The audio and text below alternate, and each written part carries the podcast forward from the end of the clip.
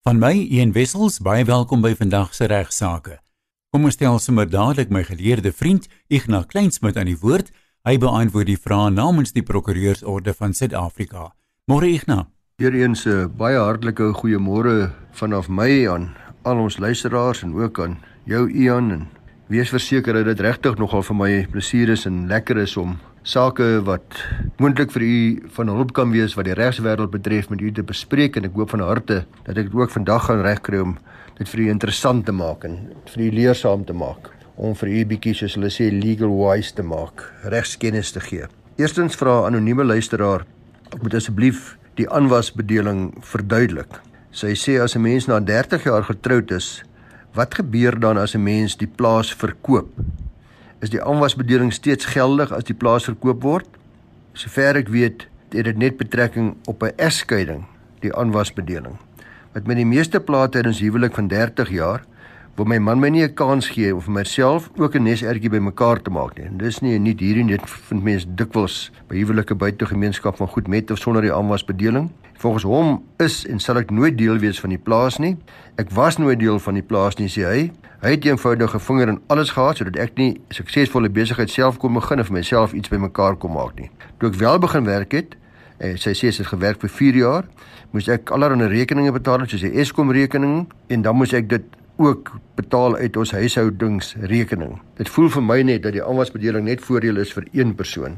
So ons deel alles wat ons bymekaar gemaak het, skryf sy, maar wat my betref lyk dit hy hou steeds die voordeel van die volle aanwasbedeling. Nou hierdie dame en soos baie ander sukkel maar soms met die begrip van aanwas dat ek eerstens net verduidelik dat mense kan trou buite gemeenskap van goedere met of sonder die aanwas en aanvanklik dit is nou vir mense wat getrou het voor 1 November 1984 is daar beskerming verleen aan 'n man of 'n vrou wat in geval van 'n egskeiding vind dat die ander partye veel groter boedel opgebou het terwyl die eersgenoemde direk of indirek tot die opbou en instandhouding van daardie boedel bygedra het.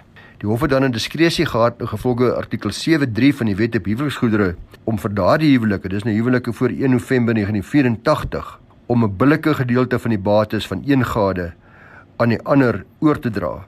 Nou die afskaffing van die verbod op skenkings tussen getroude persone moet ons ook na kyk. 'n Skenking van een aan die ander kan nie meer soos in die verlede herroep word nie. Sulke skenkings lê egter steeds aan die bepalinge van die insolventiewet onderworpe wees en dan is dit ook so dat sekere goedere sal die afsonderlike eiendom van 'n getroude persoon bly al is hy of sy in gemeenskap van goedere getroud, byvoorbeeld vergoeding van 'n persoonlike soos pyn, lyding, laster ensovoorts. En soms kan mense eise te mekaar instel, maar persone wat volgens die aanwasbedeling getroud is of op algehele skeiding goed ooreengekom het, dis nou na 1 November 1984, moet ooreenkomstig hulle vermoë en hulle inkomste nie tot die gemeenskaplike huishouding bydra. Nou luisteraars wat in effek dit beteken is dat hierdie luisteraar is duidelik na 1 November 1984 getroud klink vir my sy sê is 30 jaar die nuwe bedeling het in werking gekom 84 tot 16 en 36 jaar gelede al en uh die vraag wat sy moet vra eerstens is op daar op datum van die troue was daar toe reeds 'n plaas en die volgende vraag is is daardie plaas spesifiek in die huweliksvoorwaarde kontrak wat hulle aangegaan het, die een wat nou gesê daar is, die aanwasbedeling is van toepassing, was daardie plaas uitgesluit. Want wanneer 'n mens trou buite gemeenskap van goedere met die aanwasbedeling, dan natuurlik word jy die kans gegee om alle bates wat reeds bestaan uit te sluit van die aanwasbedeling. Kom ons sê nou maar die man het 'n miljoen rand se bates en die vrou het 100 000 rand se bates, dan word dit daar in die huweliksvoorwaarde kontrak gestipuleer en wanneer die aanwasbedeling mettertyd bereken word, word daardie bedrag weer in berekening gebring sodat dit nie deel is van die aanwas nie. So as die plaas reeds bestaan het of en die man het daardie plaas spesifiek uitgesluit van die aanwasbedeling, dan het sy geen sê op daardie plaas hoegenaamd. As die plaas egter nie uitgesluit was nie of net 'n suiwere bedrag dan is dit bietjie anderste.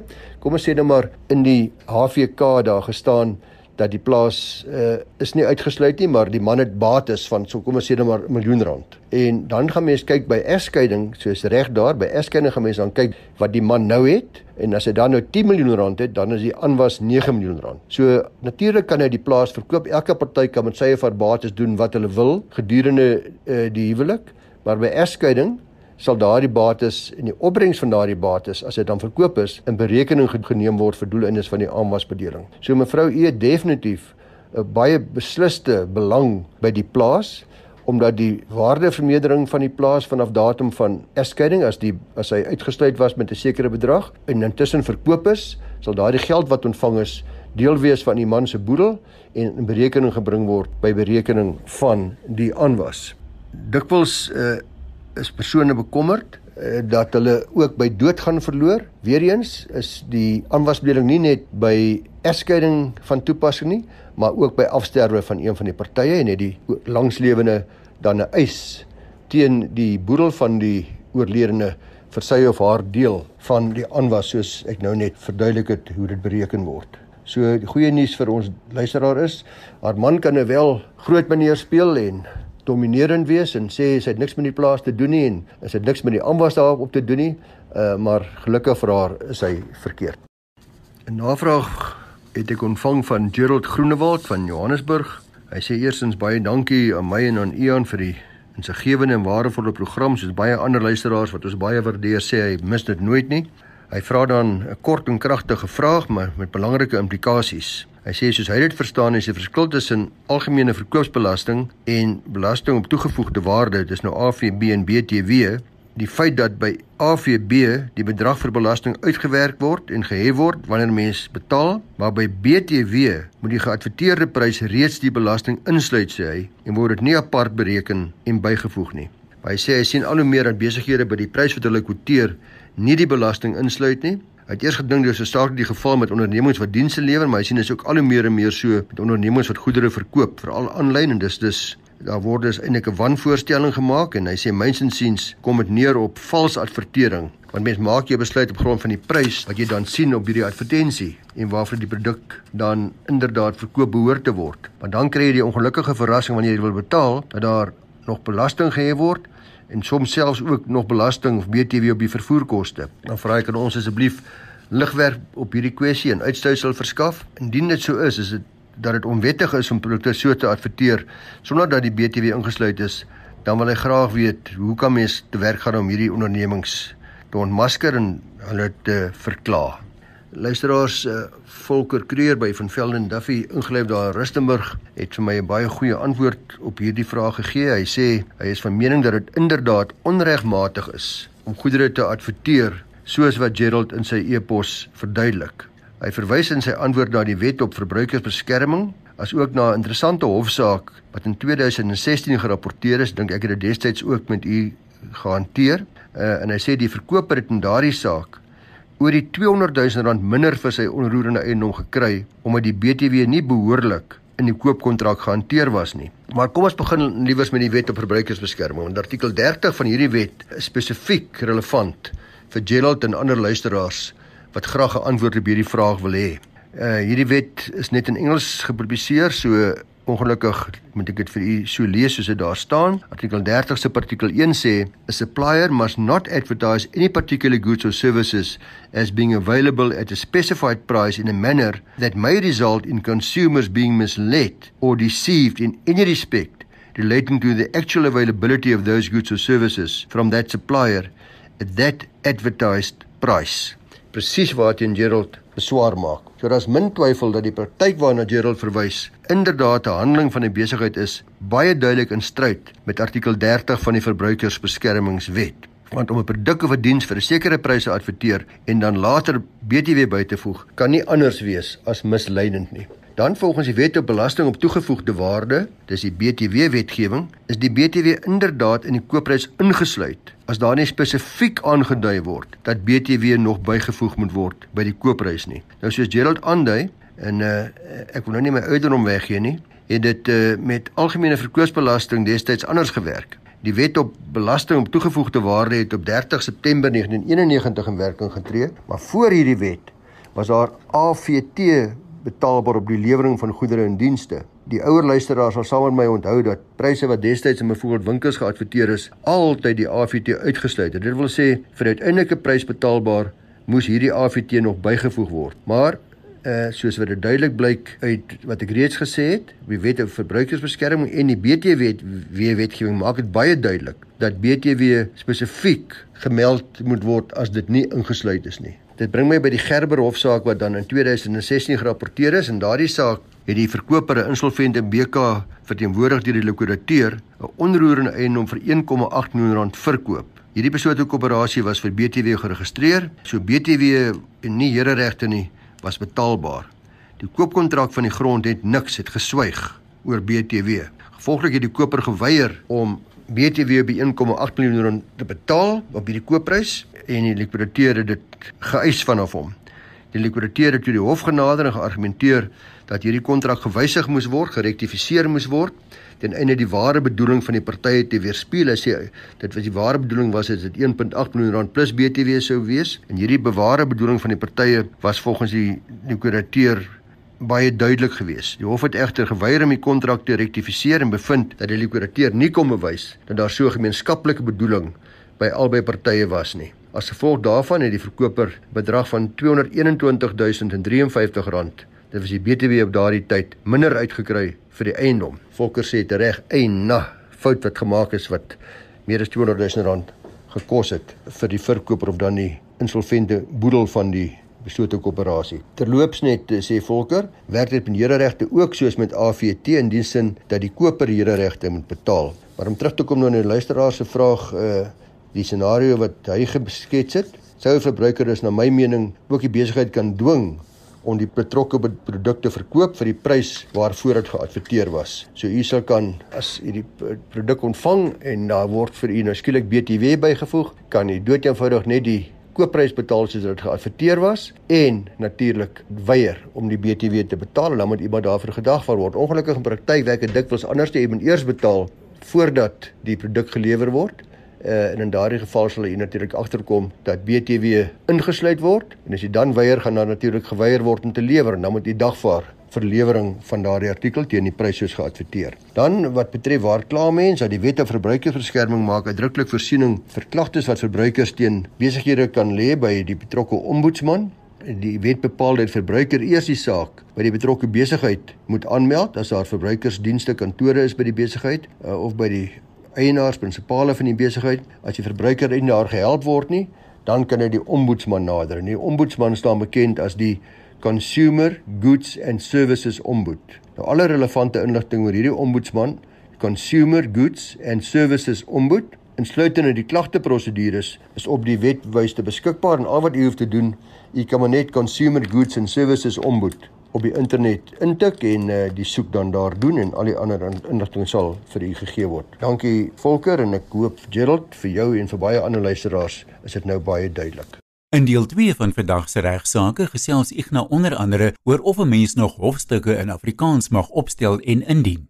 Ja, omdat ek hierdie program aanbied namens die Prokureursorde van Suid-Afrika, terloops baie dankie ook aan hulle vir die feit dat hulle hierdie program moontlik maak en die hele doel is maar om die reg toeganklik te maak vir almal wat luister en om seker te maak dat u daarom so ietsie van die reg leer om wanneer u probleme te weet waarom ook aan te klop. Ek word oorval deur navrae oor eise teen verskillende mense in die regs dienste afdeling. Ek praat hierso van meester en die prokureurs en uh, aanklaers en polisie, ag ensovoorts en die Suid-Afrikaanse regering het op hulle webwerf www.gov www.za het hulle onlangs weer 'n lysie gepubliseer van waar en hoe 'n mens klagtes kan lê teen 'n persoon in die regswêreld onder andere teen 'n prokureur het ek al klomp keer vir u gesê moet u gaan na die relevante prokureursorde in die provinsie waar die prokureur is teen wie u 'n klagte wil hê. Jy kan maar net gaan Google op die netwerk gaan en gaan kyk na sê net maar KwaZulu-Natal prokureursorde of Gauteng prokureursorde of watter nogal watter provinsie ook nogal in mag wees en daar gaan jy behoorlike inligting kry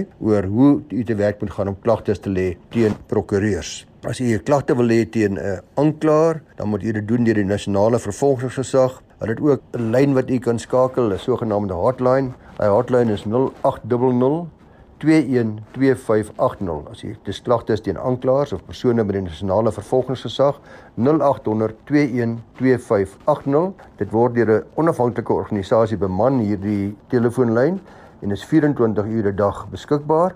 En belangrik is u kan ook anonieme oproepe na hierdie telefoonnommer maak sal ook aanvaarbaar wees. Uh as u 'n klagte wil hê teen 'n lid van die Suid-Afrikaanse polisie, kan u dit doen op hulle webtuiste of ook by die onafhanklike polisie ondersoekdirektoraat en u kan dit net ook weer gaan intik is IPID IPID IPID die onafhanklike Independent Police Investigation Directorate en daar sal u besonderhede kry van hoe u klagtes kan lê alternatiefelik by SAP se webwerf. Teen 'n balie kan u 'n klagte gaan lê by die African Board for Sheriffs. Weerheen kan jy maar net die African Board for Sheriffs op die netwerk gaan soek. Hulle is daar in Kaapstad en uh, daar's behoorlike prosedure op hulle webwerf wat u kan volg om 'n klagte teen 'n balie te lê. Dieselfde geld ook vir 'n uh, landros by die kan die klagtes lê by die magistraatskommissie, die landroste kommissie. U gaan tik maar net in Magistrates Commission en uh, die inligting sal daar vir u gegee word. By regters is dit by die regtelike dienskommissie, Judicial Service Commission, JSC of Judicial Service Commission kan u gaan invoeg op die netwerk en daar sal u presies sien hoe u klagtes ook teen 'n regter aanhangig kan maak. Nou eh, luisteraars, is daar onlangs ook 'n nuwe ombudsman uh, aangestel vir regsdienste vroeg in Desember of as ek sê nou die 16de Desember is die bekende afgetrede Kaapse regter Shiraz Desai as Suid-Afrika se nuwe ombudsman vir regdienste aangekondig. Uh, die president Cyril Ramaphosa het gesprekke gehad volgens hom met uh, Ronald Lamola, die minister van Justisie en Korrektiewe Dienste en vanaf 16 Desember vir 7 jaar lank is hierdie regter wat nou reeds onlangs 70 jaar oud geword het, In Januarie hierdie jaar is hy dan nou aangestel om die integriteit van die land se regsprofessie te bevorder en te beskerm. Hy moet onder andere verseker dat regslui aan etiese standaarde voldoen en dat in ons regstelsel Suid-Afrikaners met regverdigheid en waardigheid binne die oppergesag van die reg bedien word. Kragtens die Wet op Regspraktyk, die Legal Practice Act op die Wet op Regspraktyk, sal hy ook gemagtig wees uh, regter Desai as ombudsman om klagtes en beweerde wanadministrasie en optrede wat die integriteit van die regsprofessie binne die bestek van die wet benadeel te ondersoek. Ek het gaan kyk op verskillende wetwerwe of ek al sien of ons al adres het vir hierdie nuwe ombudsman. Ek kon nêrens kry nie. Dit sou baie gaaf wees as enige van u, miskien van my kollegas of ander wat betrokke is by hierdie nuwe ombud vir my kan sê presies hoe ons luisteraars te werk moet gaan om klagtes te lê by die nuwe ombud en of daar al 'n webtuiste is waarin ons kan gaan vir besonderhede. Baie sterkte aan uh, regter Shiraz Desai met hierdie nuwe taak vir die volgende 7 jaar. Luisteraars, ja, u en ek en ek hoop al ons luisteraars, ons betaal ons elektrisiteitsrekening baie mooi stiptelik en ook ons waterrekening aan ons plaaslike munisipaliteit en uh, maand vir maand kom ons ons plig na en dan skielik in sekere gebiede lees ons in die koerante of word dit werklikheid dan word die krag afgeskakel omdat die persone aan wie ons dit betaal het by die munisipaliteit, die plaaslike bestuur, nie die rekening by Eskom vereffen het nie. So ons word nou gestraf omdat die diensverskaffer se kontrak is met die munisipaliteit en nie direk met ons nie en as die munisipaliteit dan nie hulle rekening pligte nakom nie, dan is Eskom normaalweg geregtig om daardie dienste te saak. Nou goeie nuus vir almal van ons en minder goeie nuus vir die munisipaliteite is dat onlangs is daar deur die hof bepaal dat Eskom voortaan nie meer wanbetalende munisipaliteite se krag mag afskakel om hulle te dwing om hulle skuld te verhef nie. Die appelhof het hierdie taktik van Eskom bestempel as irrasioneel. Ek het nog nie die appelhof saak onder oog gehad nie en wat ek vir u voorhou kom uit 'n artikel deur William Horn Hy skryf onder andere dat uh, Piet Leroux, die uitvoerende hoof van Sakeliga, het gesê dat die wydverspreide aard van Eskom se elektrisiteitsonderbrekings by wanbetalende munisipaliteite het dringende ingryping genoodsaak. Die Sakeliga het hom toe einde verlede jaar, is nou einde 2020 onder andere laat voeg as 'n vriend van die hof, Amicus Curiae, met die saak tussen Eskom en Resilient Properties want Resilient Properties het die saak in hang gemaak om te sê maar Eskom kan nie krag afsny as hulle behoorlik betaal het aan die plaaslike bestuur nie. Nou dit het oor die land heen al en baie mense wat luister sal dit nou weet, al redelike algemene praktyk geword om betalende verbruikers as spionne te gebruik om munisipaliteite te dwing om te betaal. Die kragtoevoer na nie betalende en betalende verbruikers sê William Hon word gestaak totdat die munisipaliteit met Eskom oor skuld sluit. Nou die gevolg hiervan, sê meneer Leroux, was 'n ernstige agteruitgang van nywerhede in die dorpe oor die land heen wat 'n bose kringloop van plaaslike ekonomiese ineenstorting tot gevolg gehad het en dit het veroorsaak dat hulle Eskom nie meer kon betaal nie.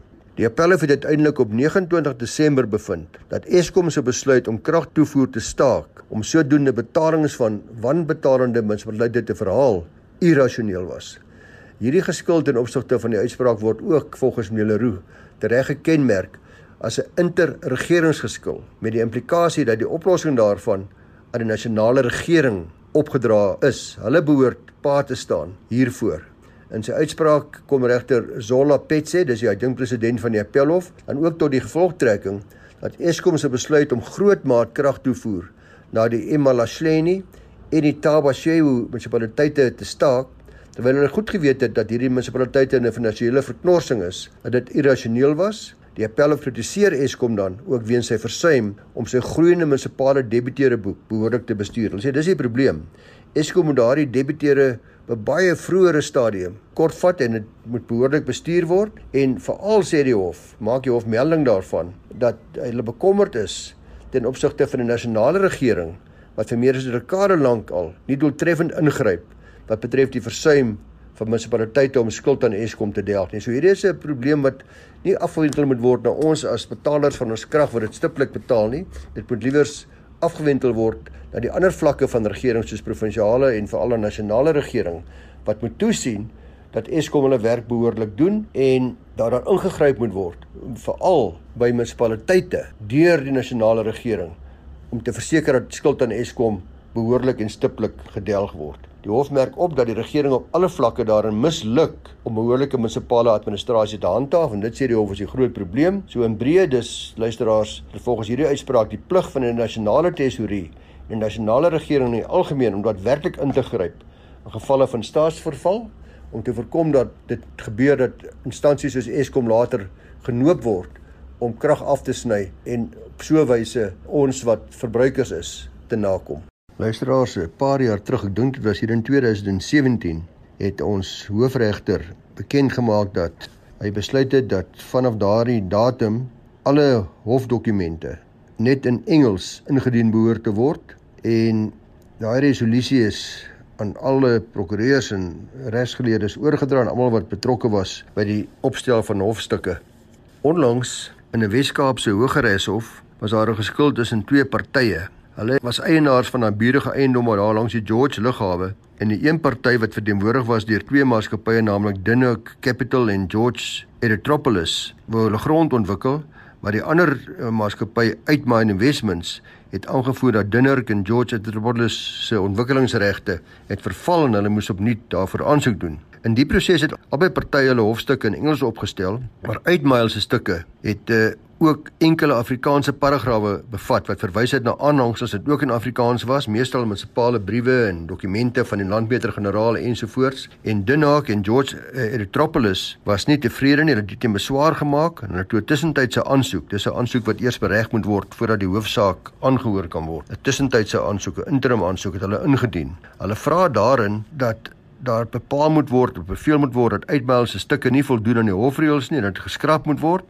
Hulle aansoek sê hulle dan spesifiek uh, dat regter Mogoeng het in 2017 so 'n resolusie oor Engels uitgevaardig en hulle sê hierdie resolusie maak dit baie duidelik dat alle hofstukke slegs in Engels moet wees. Hulle sê dan ook die belangrike rede vir hulle aansoek is die feit dat hulle junior advokaat nie Afrikaans magtig is nie en daarom nie die paar Afrikaanse paragrawe en Afrikaanse aanhangsels in hulle stukke kan verstaan nie en hulle eersvertalings beweer hulle ook dat uitmail se regsplan sou vir hulle gesê het om in daardie geval as hulle as hulle dan nie verstaan nie dan moet hulle liewers maar 'n prokureur of 'n advokaat kry wat dit wel verstaan. Nou in hulle beantwoordende verklaring sê uitmail na verskeie sake kan na gekyk word waarin ander howe nie net partye in hofsaake se reg erken om in die taal van hulle keuse te litigeer nie, maar waarin howe ook spesifiek bepaal het, dis nou vorige hofsaake, dat daar nie van partye verwag kan word om hulle hofstukke op eie koste te vertaal. Dit het by die ander party dan nou beweer dat hulle nie die taal magtig is nie. Hulle sê boonop dis duidelik dat die verteenwoordigers van Dinhak, dis en dis en George Erythropolis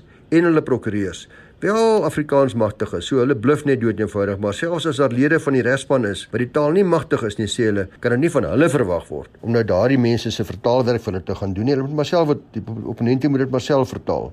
Nou in 'n uitspraak wat gelewer is onlangs sê regter Nathan Erasmus dat hulle 100% reg is. Hy bevind uh, dat hierdie litigant het alle reg om sy hofstuk in Afrikaans op te stel al voer die teenparty aan sy regspan is nie die taal magtig nie. In sy uitspraak het uh, regter Erasmus het boonop duidelik gemaak dat die 2017 resolusie van hoofregter Mogoeng Mogoeng en die hoofde van die land se hoërehowe bepaal dat Engels sal voortaan die enigste taal van verslag die land se howe wees geen regstatus het nie. So regters kan nie net allerlei resolusies en besluite neem en dan is dit dieselfde status as reg nie. Erasmus het opnuut die beginsel bevestig dat geen party in enige hofsaak verplig is om dis sy hofstukke in Engels op te stel nie of te vra dat dit vertaal moet word nie en die ander party kan maar self daardie vertaalkoste aangaan. So ek dink eh, 'n uh, slag wat geslaan is vir die gebruik van Afrikaans in hofdokumente. Sluit gerus volgende maandag 11:30 weer by ons aan vir regsaake. Jy kan intussen gerus jou regsvrae aanstuur. Die adres is igna@ffd.co.za. Mooi loop tot volgende week.